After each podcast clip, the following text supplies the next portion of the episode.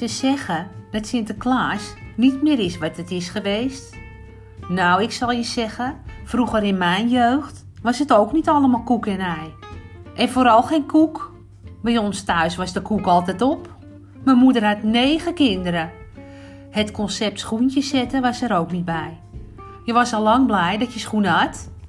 Ja, je keek wel uit dat je die bij de kachel liet staan. Ik was ook heel snel van mijn geloof af. Dat kwam door ome Kees, die op 5 december altijd bij ons de goed heilige man speelde. Het was goed bedoeld hoor, maar tot op de dag van vandaag denk ik, hoe hebben ze nou kunnen denken dat wij dat niet door hadden?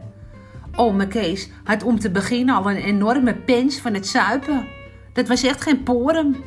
Hij had een kanten nachtpon aan van mijn opoe met een brandgat erin.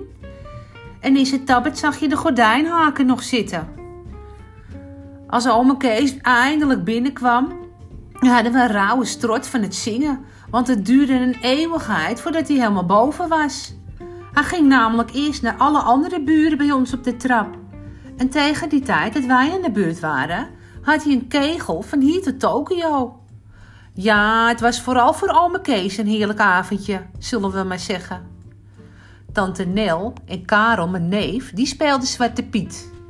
Karel had een lui oog en hij stotterde. Maar hij moest onze namen oplezen in het grote boek, want ome Kees, die kon helemaal niet lezen. Als die zijn handtekening moest zetten, dan zette hij gewoon een kruisje. Tante Nel deed het leuk hoor. Die ging dan met een Surinaams accent praten.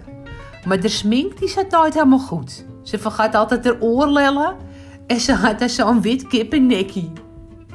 Nel had ook een enorme bos hout voor de deur. En ome Kees zei dat ze daarom de hoofdpiet was. En omdat hij daar zo Lazarus was, gaf hij haar de godganse tijd een klap voor de kont. We speelden het spelletje allemaal maar een beetje mee. En eigenlijk hadden we ook alleen maar oog voor die zak. Kom erop met die zak, dacht ik altijd. Maar eerst ging ome Kees ons allemaal vragen of we nog wel stout waren geweest.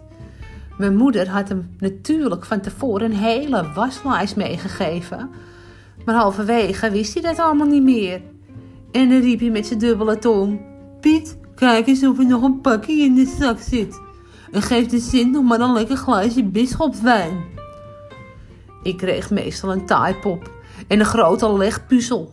Een tweede Hansie van het Waterloopplein. Dan wist ik al dat het niet duizend stukjes waren, maar 996 stukjes. Ach ja, je was er blij mee. Dan had je wat te doen tijdens die lange winteravonden.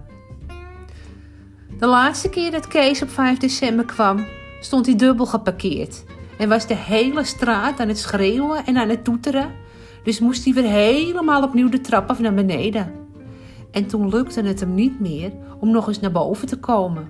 Ik hoor het mijn moeder nog zeggen. Die zei: De volgende keer takelen we hem wel met zakken en al omhoog. Maar er kwam geen volgende keer. Ome Kees legde het loodje. En tante Nel, die ging helemaal over de rode als iemand anders in de familie voor Sint wou spelen. Ach ja, het was een agenebbesootje. Maar gezellig was het wel. Do you remember 5 december, de tijd dat Sinterklaas nog echt gezellig was? We hadden geen cent te makken. Er was niet veel om uit te pakken. Maar het was toch eerste klas. Met zelfgebakken speculaas, chocomel met een vel en ome Kees als Sinterklaas. En de hoofdpiet, dat was tante Nel. Het ging om de gein en de gezelligheid. En dat gevoel raken we nou toch wel een beetje kwijt. Nou, lieve mensen, tot Sint-Jutemus. En dankzij Rutte weet ik het wel heel zeker. I will be home for Christmas. Dag allemaal.